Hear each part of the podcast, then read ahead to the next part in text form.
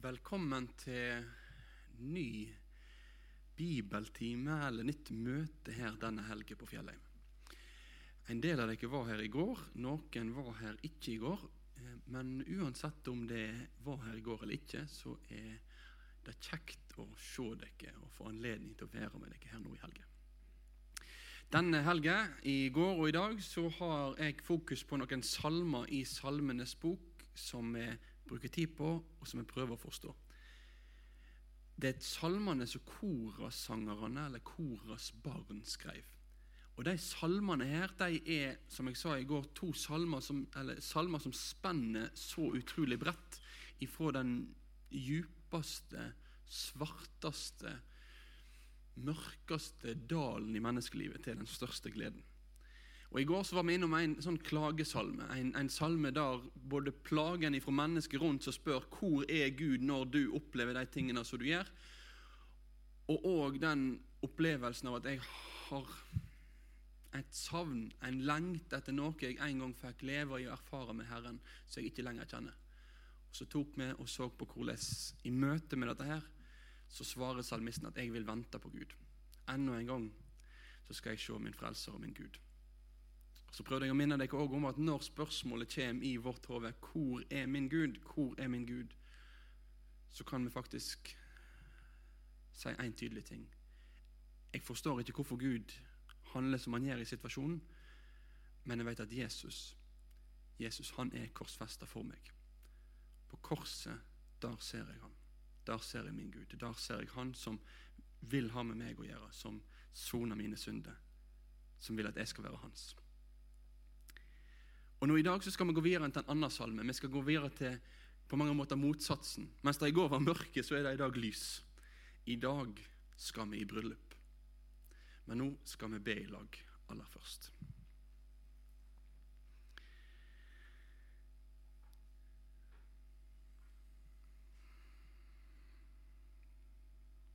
Far, jeg vil få takke deg for at vi får komme sammen her nå. Og det som allerede har blitt minnet om. Takk, Jesus, at du er den lykta som også skal få styre, og den, den kjølen som også skal få gjøre oss stø i stormen og alt det vi står gjennom livet. Herre. Takk, Jesus, at du har gitt oss ditt ord, at ditt ord det er sant, det er levende, det er virkekraftig. Takk at du, Jesus, i går og i dag er den samme og vil være det til evig tid. Og takk at du, far, har sagt de tingene du har sagt i ditt ord, sånn at vi kan lære av det. Og Nå ber vi deg for denne stunden her nå i formiddag, at det får være en stund der du ved De hellige ånd får tale til oss gjennom ordet ditt, sånn at vi gjennom det som står her, får, får lære mer både om deg og om oss og livet med deg. Ja, Herre, vi legger denne talen i dine hender. Tal til oss gjennom ordet ditt. Da ber vi om i Jesu navn. Amen.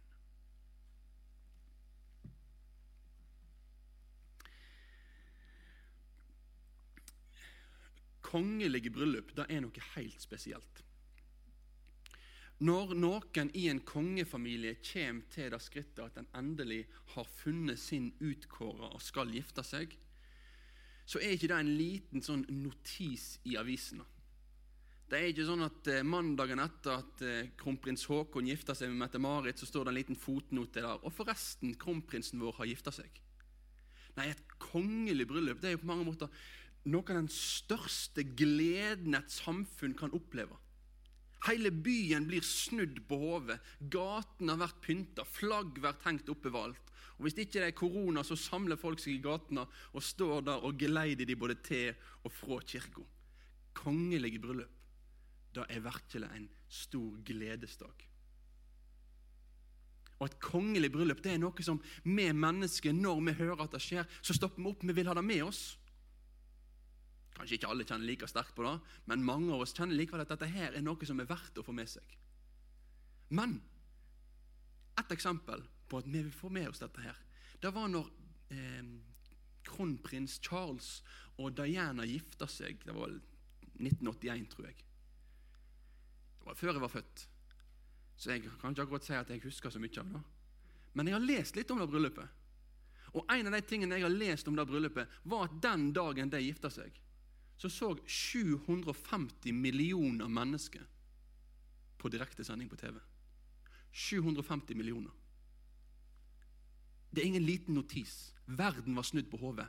Tenk, Charles Til og med han fikk gifte seg. Tenk, bryllupet var der. Alle måtte få det med seg.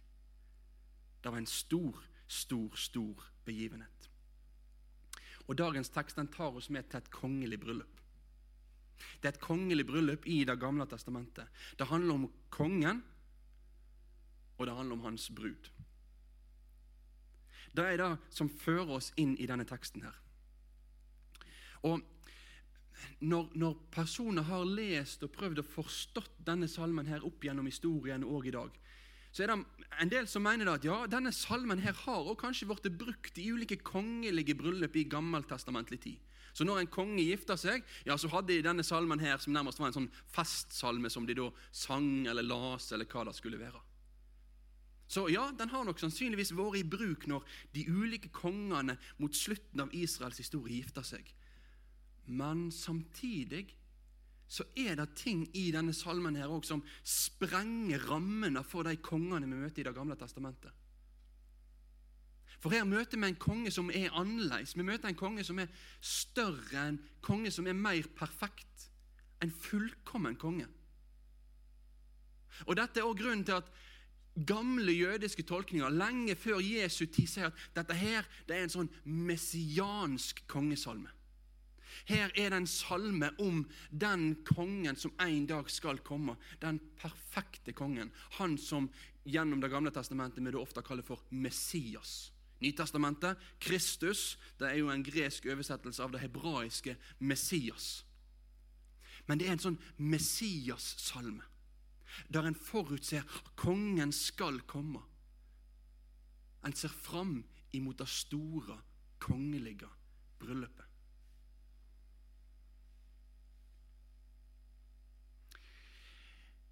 Det kan være interessant for oss før vi går til den salmen å bare være oppmerksom på at det er sånn at når det er snakk om konger i Gamle Testamentet, så er det veldig ofte en sånn dobbelthet. David han, han fikk løfte om at etter han så skulle det komme en konge på trona. Det står i 2. Samuels bok kapittel 7. På en måte så blir det oppfylt med Salomo som kommer, men samtidig så ser vi at det som står der, det er noe som handler om mye mer enn Salomo. Det er en mye større konge som skal komme.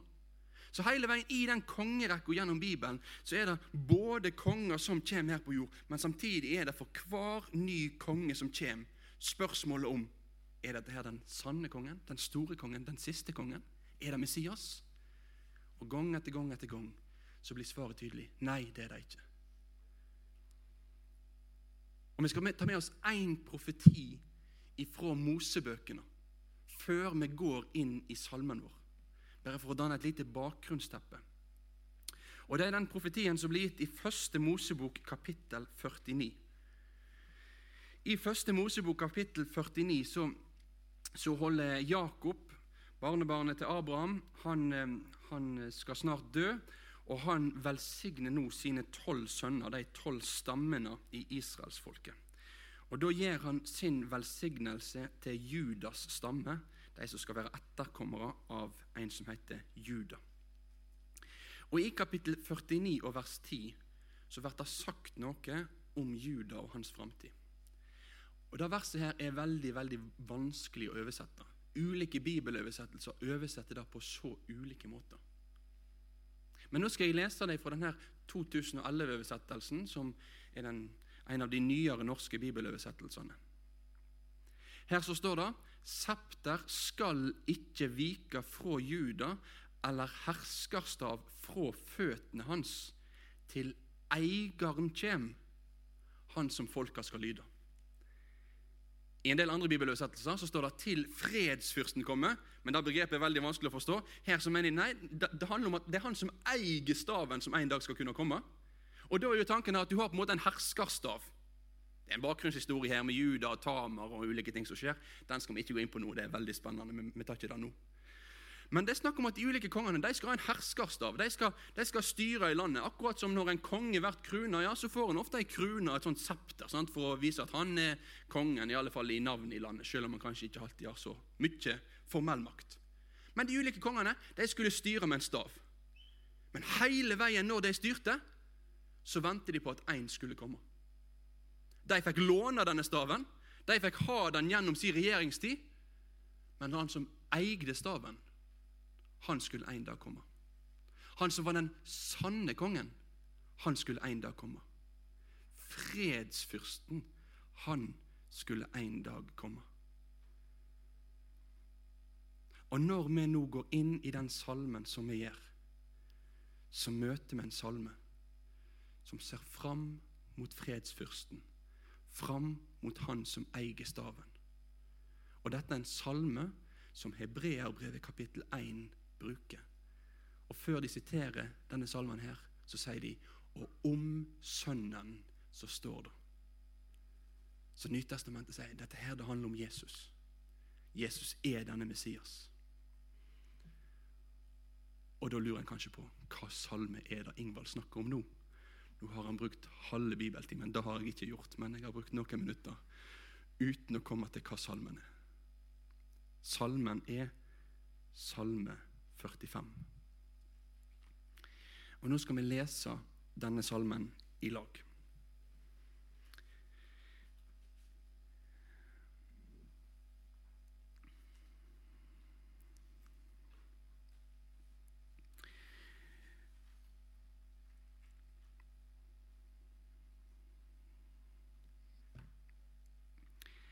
Til korleieren etter liljene av korasangerne, en læresalme, en sang om kjærleik.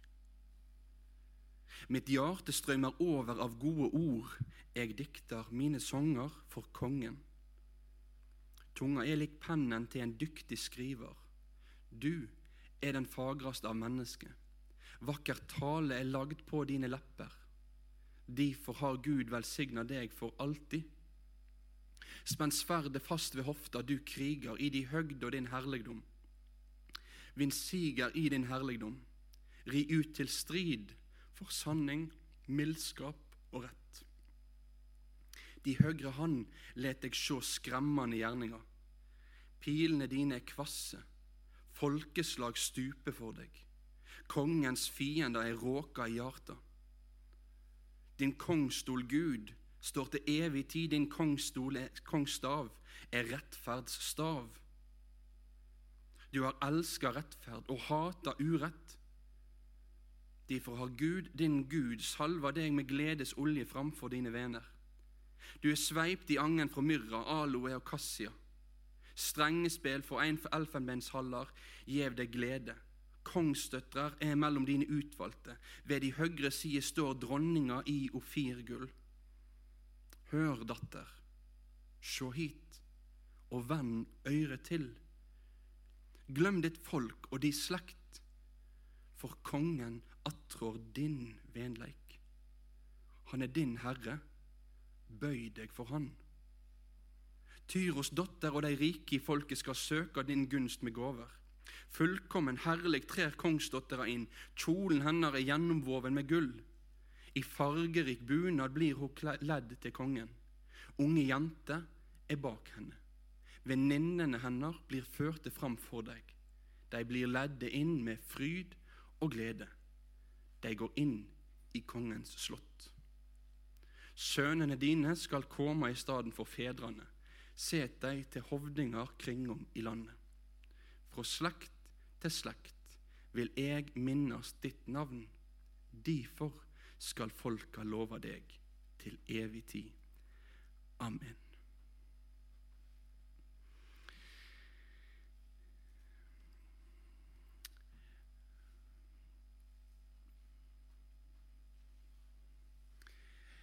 Det er tre hovedpoeng vi skal stoppe opp for her nå. Det er om kongen, det er om kongens brud, og det er om forholdet mellom de to. Og på ulike måter så er disse tre poengene her Det er poeng som også kan lære deg og meg noe om vårt forhold til Jesus. Men vi begynner med kongen. Hvis du er i et bryllup, hvem er det da som glanser? Hvem er det som er i fokus? Hvem er det alle kameraene retter seg imot? Er det bruden, eller er det brudgommen? Jeg tror mange brudgommer har opplevd da, at de har stått i kirka. Jeg gifta meg i Sverige, så jeg fikk ikke stå framme i kirka. Jeg måtte gå inn med kona mi. Men mange andre de har, de har stått framme i kirka der aleine. Og de har liksom vært litt nervøse og venta og spent, og folk sitter der og småsnakker litt i raden og er litt sånn klar for det som skal skje nå. Og brudgommen han står nå der og svetter, og blikken er litt sånn retta fram mot han, siden han er nå der. Men så plutselig går dørene opp. Og hva skjer? Alle snur seg. Alle snur seg. Brudgommen han står nå igjen der. Kanskje mor eller faren eller noen som litt sånn, har litt sånn spesielt hjerte for han ser nå fram på han fortsatt. Men det er ingen andre som er så interessert i bruden, nei, brudgommen da, for nå kommer jo bruden. Det er jo hun som har denne flotte kjolen. Brudgommen han har nå klart å forhåpentligvis dusja seg og barbert seg og tatt på seg en dress. Men, men bruden hun har jo vært hos frisøren hele dagen. Hun har den fantastiske kjolen på seg. Hun skinner i all sin herlighet. Og etterpå så er det kompliment om hvor flott kjolen var, hvor, hvor fantastisk fin ei brud hun var. Bruden, hun, hun, hun, hun skinner. Og brudgommen, han, han er nå der. Han kan være flott, men han er nå i liten grad i fokus. Jeg las litt om dette bryllupet til prins Charles og lady, lady Diana litt tidligere. Og, og, De har en sånn Wikipedia-artikkel på engelsk om det bryllupet. Det står mye rart, men det står bl.a. om hva de er kledd i. Og Det er ganske fascinerende. For Da er det en beskrivelse av kjolen til Diana. Det er liksom to saftige avsnitt. Beskrivelse av alt i hver minste detalj. Og så kommer det ei linje unna. Og prins Charles han gikk i en dress. Det, det var liksom ikke så viktig. Men det spesielle her er at her er det ikke bruden som skinner. Her er det først og fremst brudgommen.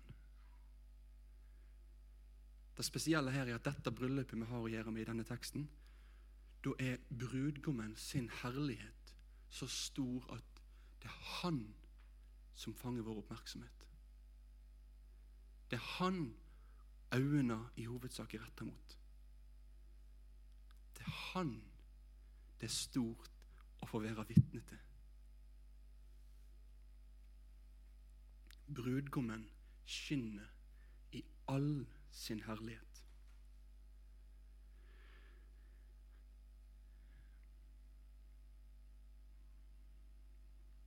Det står her om brudgommen. Jeg dikter mine sanger for kongen. Jeg må, jeg må fortelle om han. Hjertet mitt strømmer over av gode ord til han. For han er den fagreste av alle mennesker. Leppene hans er fullt av vakker tale. Han har sverd ved hofta, han er en herlig kar. Han vinner ut, og han strider, og han seirer. Han er den som strir for sannhet, for mildhet, for rett. Høyre han sier skremmende gjerninger på den måten at han her er en du ikke vil være fienden til. Pilene hans er kvasse, som gjør at alle egentlig må bøye seg for denne kongen. her. Han, han er mektig. Det er ingen fillekonge. Når han rir fram, da bøyer folk seg. Hans kongsstol, den står til evig tid. Hans stav, hans styresmåte er rettferdig. Han er ingen feig konge. Han, han, er ingen utnyttende konge. Han er ingen konge som gjør ting til sitt eget beste, men han handler ut ifra hva som er rett. Og han er den kongen som hater urett. Han skinner i hele sin karakter. Med alt det han er, så blir det tegna et bilde her av den fullkomne kongen. Det er han vi her får være vitne til bryllupet til. Og så har jeg allerede sagt da til dere at i Nytestamentet så blir denne teksten her brukt. Og så blir det sagt at dette handler om Sønnen.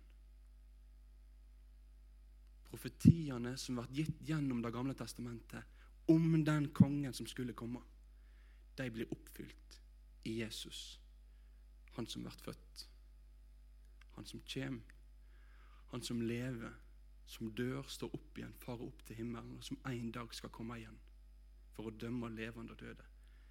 Der finner disse kongetekstene sin oppfyllelse.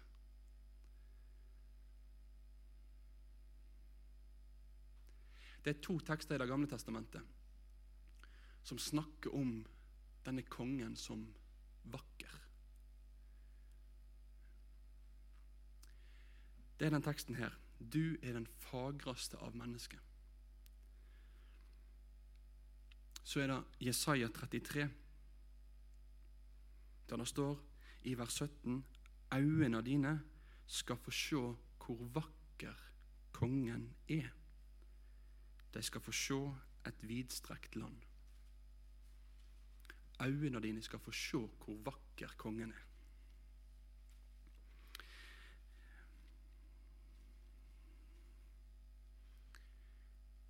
Jesus, denne kongen, han er den vakreste av alle. Men når vi tenker vakkert, så tenker vi kanskje i første omgang utseendemessig. At han har pynta seg og ser så veldig fin ut på ulike vis. Litt seinere i Jesaja, Jesaja 53 så får vi vite om at en Herrens tjener, som vi tenker er den samme som denne kongen, at han er en mann som mennesket skal skjule sitt ansikt for. I sin lidelse er han alt annet enn en vakker på den måten. Men i det at han her blir beskrevet som den vakre, så er poenget å beskrive at den kongen som vi har å gjøre med, Jesus, han er fullstendig fullkommen. Det er ingen som er så herlig som han i hele sin karakter. I alt det han er, så er han perfekt. I alt det han er, så er han helt optimal. Du kan ikke tenke deg en mer rettferdig konge. Du kan ikke tenke deg en mer vis konge. Du kan ikke tenke deg en mektigere konge. Du kan ikke tenke deg en kjærligere konge. Du kan ikke tenke deg en bedre konge enn denne kongen her. Han er den fullkomne. Han er den vakreste av alle mennesker. Sånn er han vi har å gjøre med i Bibelen.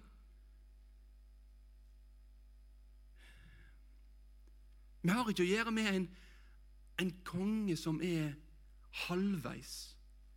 En konge som er litt tvilsom, en konge som kan svikte, en konge som kan bli beseira. Vi har med å gjøre med den kongen som er kongenes konge og herrenes herre. Sånn er han som blir malt for oss i denne teksten. Sånn er han som er her for et innblikk i bryllupet til. Sånn er han som du og jeg òg får tilhøre.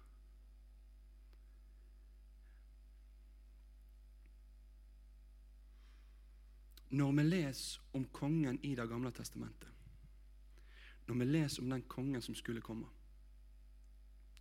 så er det ikke merkelig at jødene på Jesu tid, mange av dem er rundt og de forventer at når Messias kommer, når denne kongen kommer, så kommer han til å kaste romerne ut.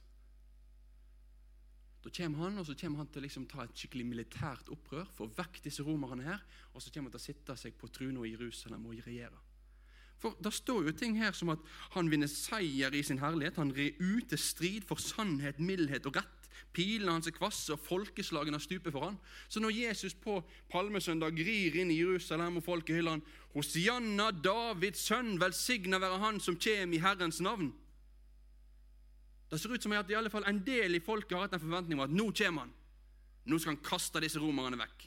Det står jo om denne kongen her at han er den som ingen kan stå seg imot. Når han går i strid, så vinner han. Men så var den striden Jesus gikk i, var en annerledes strid. Så var den seieren Jesus kom til Jerusalem for å seire, en annerledes seier. Så var det oppgjøret han tok med fiender som var mye mer alvorlige enn romerne.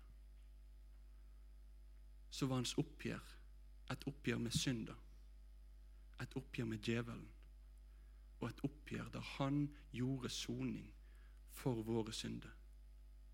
Der Guds vrede rammer han i vårt sted. Sånn er den seirende kongen. Den seirende kongen i Nytestamentet er han som tar straffa for sitt folk, for at folket skal gå fritt. Sånn er Jesus. Dine øyne skal få se hvor vakker han er.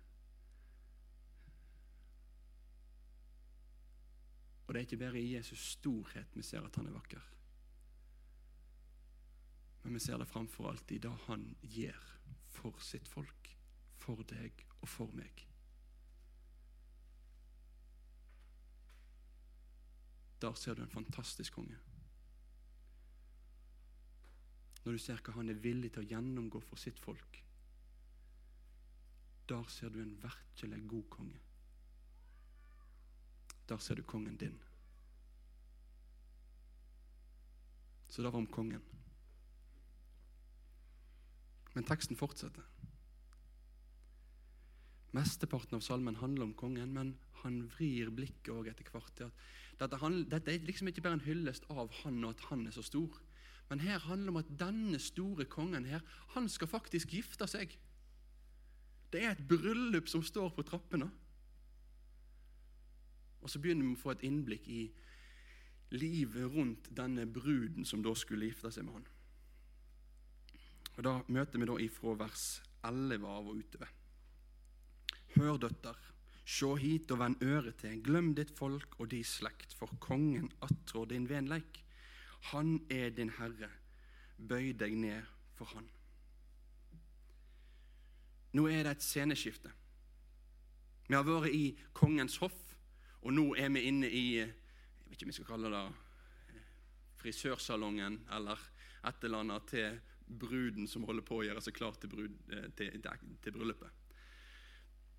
Og Mange som har gifta seg, de opplever da at en får mange råd langs veien. Sant? Det er mange taler, det er mange oppfordringer. Ja, nå når du gifter deg, må du huske på sånn og sånn og sånn. og sånn. Tenk på dette her og tenk på dette her og tenk på dette her. Og På mange måter her så er det et sånn type råd vi møter her òg. Et råd fra de som står rundt, som sier noe til, til bruden. OK, jeg har et råd å gi deg. Jeg har et råd å gi deg. Det er én ting jeg vil minne deg om, og det er hør, se her, vend øret til. Glem folket ditt, glem slekta di, for kongen attrår din venleik. Bøy deg for han. Hvis du ble kongens brud i, i Det gamle testamentet, ja, så, så, var faktisk en del av det at du måtte flytte til Jerusalem. Det var faktisk ikke så lett for kongen å flytte til, til Jeg skulle til å si Nasaret, men der bodde jo kongen senere. Men, men flytte til en eller annen plass. Beersheba eller et eller annet. Nei.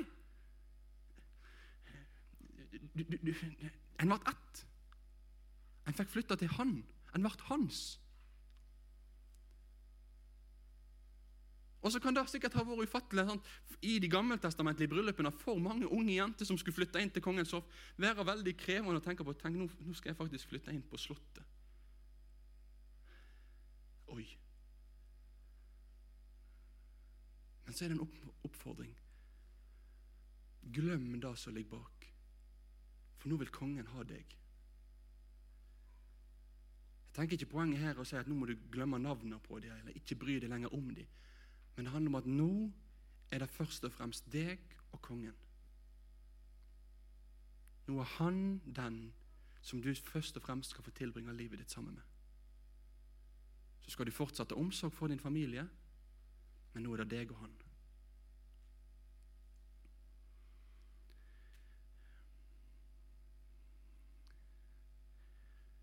Så kommer vi til Det nye testamentet. Og så har jeg allerede sagt at Jesus han er kongen.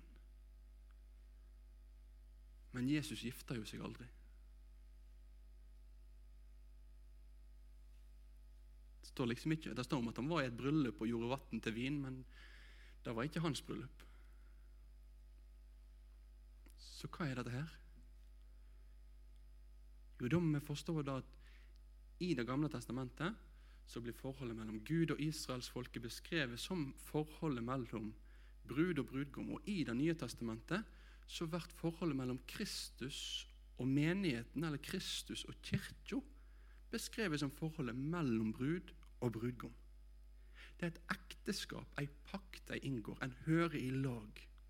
Kristus er brudgommen, og vi som tilhører han, er hans brud. Bibelen bruker ulike sånne bilder eller metaforer for oss for å beskrive ulike sider ved livet ved Jesus. Det kan være Guds barn og Gud er vår far, for å understreke både den tilliten vi skal få ha til Han, eh, den tryggheten vi skal få ha hos Han, den arven vi får del i med Han, og den lydigheten vi er kalt til å leve i med Han. Og Når det er snakk om Kristus som brudgom og vi som brud, så er det kanskje andre aspekt som enda tydeligere er framme. Framfor alt da den tilhørigheten som er. At han er min, og at jeg er hans. At vi er noe ett. At alt mitt har blitt hans, og alt hans har blitt mitt. Og den kjærligheten han har for meg, og den kjærligheten jeg òg er kalt til å leve i møte med han med.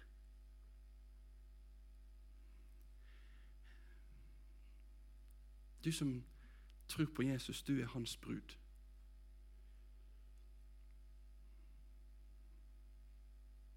Du som tror på Jesus, du er ett med han. Du tilhører han. Du og han.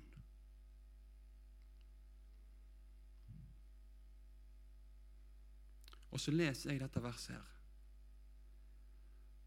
Så tenker jeg at dette verset her, det kan være et vers som til deg og til meg òg kan tale ganske rett inn i våre liv.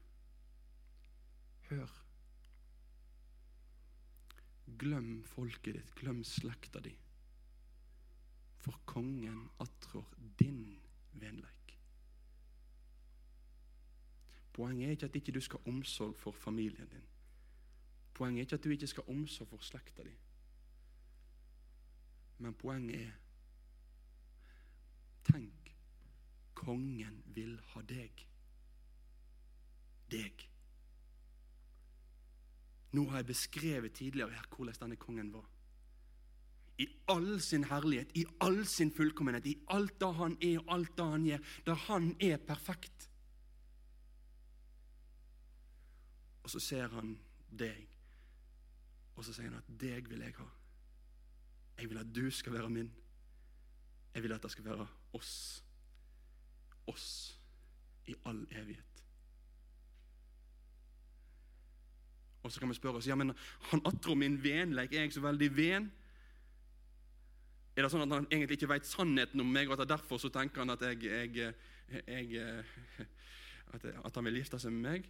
Er det fordi jeg liksom har sminka meg eller gjort en eller annen ting som gjør at jeg plutselig er så veldig attråverdig for han? Nei, han vil ha deg. Han som vet alt om deg, alt ditt mørke, alt på innsida, alt som beveger seg, alt som er du kjenner skam overfor. Alt det vet han om. Og han vil ha deg. Deg. De, de synd er ikke vakker på den måten at han tenker at den er så kjempeflott. Men han har skapt deg, han har villa deg, og han har gått i døden for deg for å sone for alle dine, alle dine misgjerninger, all din synd. Han vil ha deg. Han vil ha meg. I møte med alt det som vil binde meg i denne verden av ulike ting, som jeg tenker at å, men jeg, skal, skal jeg bruke livet mitt på dette her? Er det liksom egentlig verdt det å følge Jesus? Er det egentlig verdt det å følge han når, når det koster, når det er noe annet som hadde vært mer behagelig? Så skal jeg få løfte blikket så skal jeg si han vil ha meg. Og da skal jeg få følge han. Han vil ha meg, og da skal jeg få bøye meg for han. Og det er jo det neste. Hvis da alle mulige rundt meg skriker om noe annet og sier at du må gjøre sånn som dette her, du må gjøre sånn som dette her, dette her er det du bør tenke på, dette her er det du bør gjøre, du bør satse på karrieren din eller den ene eller den andre, så skal jeg faktisk si at jeg skal gå til Jesus, jeg. Og så skal jeg framfor alt høre hva han sier. Og han sier, 'Følg meg'. Følg meg. Jeg vil ha deg.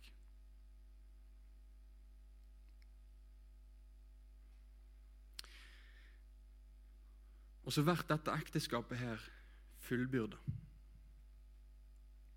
Ekteskapet blir fullbyrda i slutten her. Bruden blir leda inn til kongen, og de to gifter seg.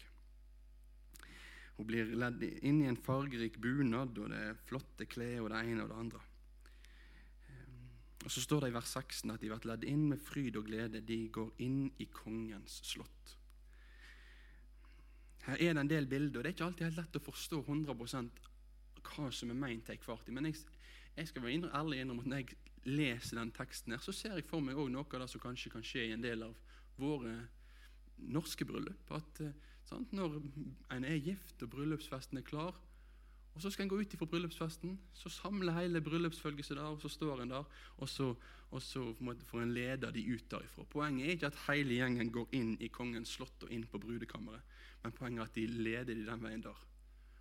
Og så går de inn, bruden og brudgommen, i kongens slott.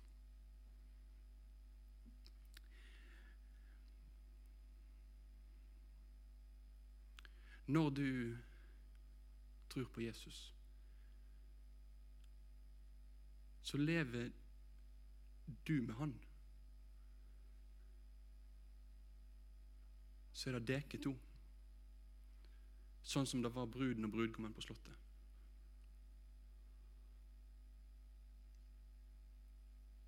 I ditt hjerte, i ditt indre, så kan det være mange som roper, sier, mener tenker ulike ting. Som prøver å dra tankene dine i andre veier. Men til sjuende og sist så er det deg, og så er det Jesus. Det er du og han. Det er meg og han. Da skal du få leve. Mens du ikke ser han. I vissheten om at selv om ikke jeg ser han, så er det faktisk meg og han. Så er det oss to. Så vandrer vi sammen. Så er det sånn at der jeg er, der er han. Og der han er, der er jeg. Det vil si, jeg er satt i himmelen med han. Og så skal jeg vente på den dagen når jeg skal få se han. Når det himmelske bryllupet en dag endelig skal bli holdt der Jesus, brudgommen, og hans brud, menigheten, skal få møtes. Og så skal vi få være i lag i all, all evighet.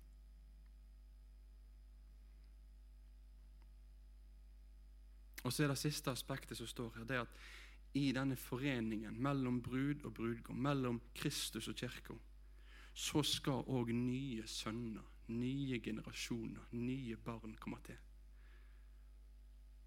Og Det er jo det vi er kalt i denne verden her òg nå. At vi som lever med Jesus, vi som tilhører Jesus, at vi skal få være hans vitne, at vi skal få minnes hans navn, sånn som det står her, sånn at vårt ekteskap kan få være et fruktbart ekteskap der flere mennesker blir en del av Guds familie.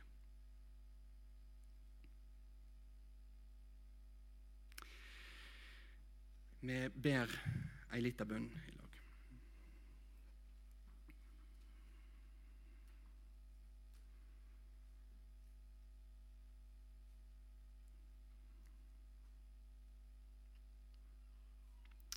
Far, vi vil få takke deg at eh, du har gitt oss sånne tekster som dette her. Tekster som beskriver for oss din sønns herlighet, fullkommenhet. Hvor herlig han er i hele sitt vesen. Og hvor stort det er at han som er så fullkommen, av nåde og bare nåde, vil ha med oss å gjøre. Med meg å gjøre. Takk, Jesus, at jeg får være din, og at du er min. Og så ber vi deg om at vi som de kirker på jord, som den brudgommen som, nei, bruden som venter på sin brudgom, òg må få minnes deg, snakke om deg, vitne om deg. Sånn at flere, flere får bli en del av ditt folk. I ditt gode navn ber vi om det, Jesus. Amen.